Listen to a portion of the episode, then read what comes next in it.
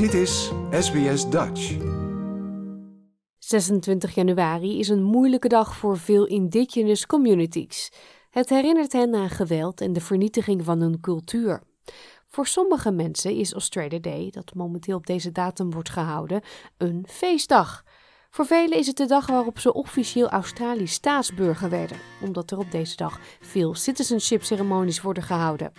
Maar ieder jaar wordt de roep om de datum van Australia Day te veranderen groter. There's a pain in my heart I never understand. It's a cry in the night. It's a scar on the land. It's a tear in the wind. It's a shout in the dark. It's a shot from an arrow. Hitting close to the mark. And I'm too scarred. Too scarred. Wanted by the Lord. Gavin Summers is een Aboriginal zanger en muziekschrijver. Hij zegt dat het belangrijk is dat mensen bondgenoten zijn van de Aboriginals en met name Australiërs met een migrantenachtergrond die de geschiedenis en de strijd van de Aboriginals goed zouden kunnen begrijpen. I think it's important because we do have a real affiliation to other diverse uh, multicultural groups here in Australia, and um, but they they certainly have a real understanding of where we're coming from. They have a certain understanding of our struggles, our history, um, and you know, in many cases we have a real shared history with with multicultural groups, and so they they get where we're coming from. So. I think having them as an ally is really great um, support for us and our causes.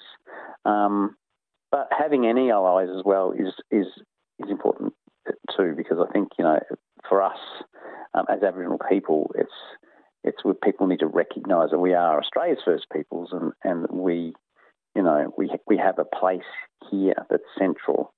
Angelica Panopoulos, de burgemeester van de gemeente Marybeck, ziet veel overeenkomsten in de geschiedenis van Aboriginals en Torres Strait Islander people en migranten. I think that at its core, it's about human rights and it's about empathy and it's about looking out for one another as people. For many of us with multicultural backgrounds, or if you know you yourself are a migrant or the child of a migrant, I think you know we've got a lot of, I guess, dispossession in our family history. So you know, my grandparents came to Australia from Greece following the Civil War. And before them, on my maternal grandmother's side, they were refugees from what was then Asia Minor. So a lot of it's also about looking back into your own family history and seeing that we've got a lot in common with each other. Um, ultimately, you know, we're all guests in this country and it belongs to our First Nations people and it's been their home for over 60,000 years. Veel gemeenschappen noemen Australië nu hun thuis. Zoals uit cijfers van de census van 2021 blijkt, werden er meer dan 7 miljoen mensen in het buitenland geboren. Dat is bijna 30% van de Australische bevolking, exclusief diegenen die hun geboorteplaats niet hebben vermeld.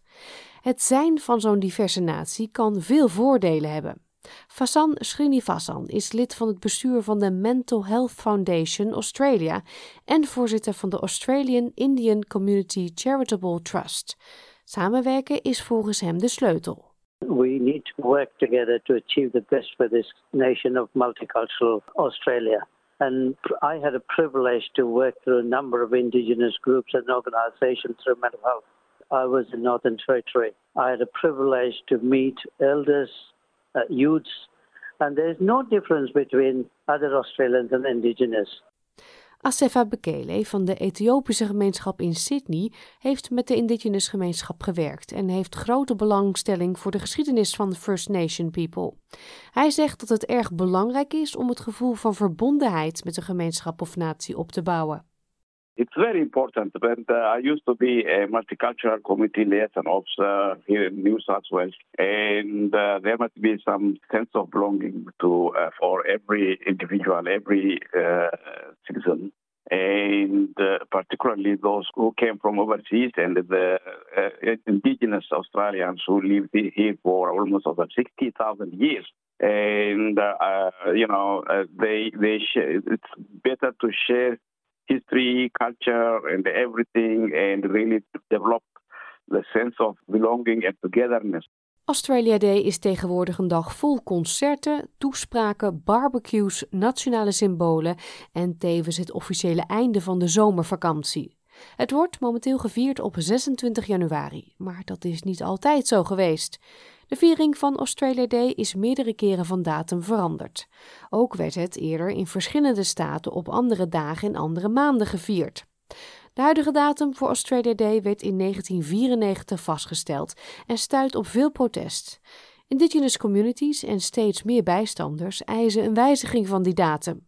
Ze zeggen dat 26 januari een dag is die de levens van indigenous communities voor altijd heeft veranderd en niet ten goede. Burgemeester Angelica Panopoulos is het daarmee eens en vindt de datum 26 januari niet geschikt voor zo'n feest. We've heard that January 26th it represents a day of mourning and survival and invasion. And it is the day that Captain Arthur Phillip came to Australia, or he arrived in 1788, and that really began the dispossession and genocide that we've seen in this country. And this day is incredibly important because it it's it marks the day when it all began. And the fact is, we've still got huge issues with intergenerational trauma systemic racism and like huge issues in the criminal justice system as well that are legacies from this. And so that's why it's really important that we listen when we're told by First Nations people that January 26th is not a day to celebrate. We should just listen to them on that one. Aboriginal singer-songwriter Gavin Sommers erkent het belang van een dag om Australië als land te vieren en Australisch te zijn. Hij vindt echter dat de datum er een moet zijn waarmee iedereen zich kan identificeren.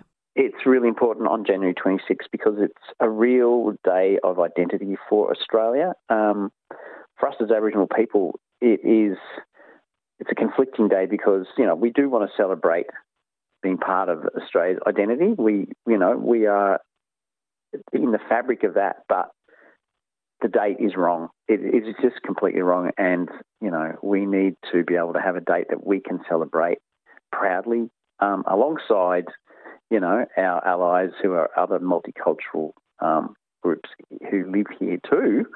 But um, yeah, it's important that we sort of get together and actually celebrate this day um, on on a date that we can actually all identify with.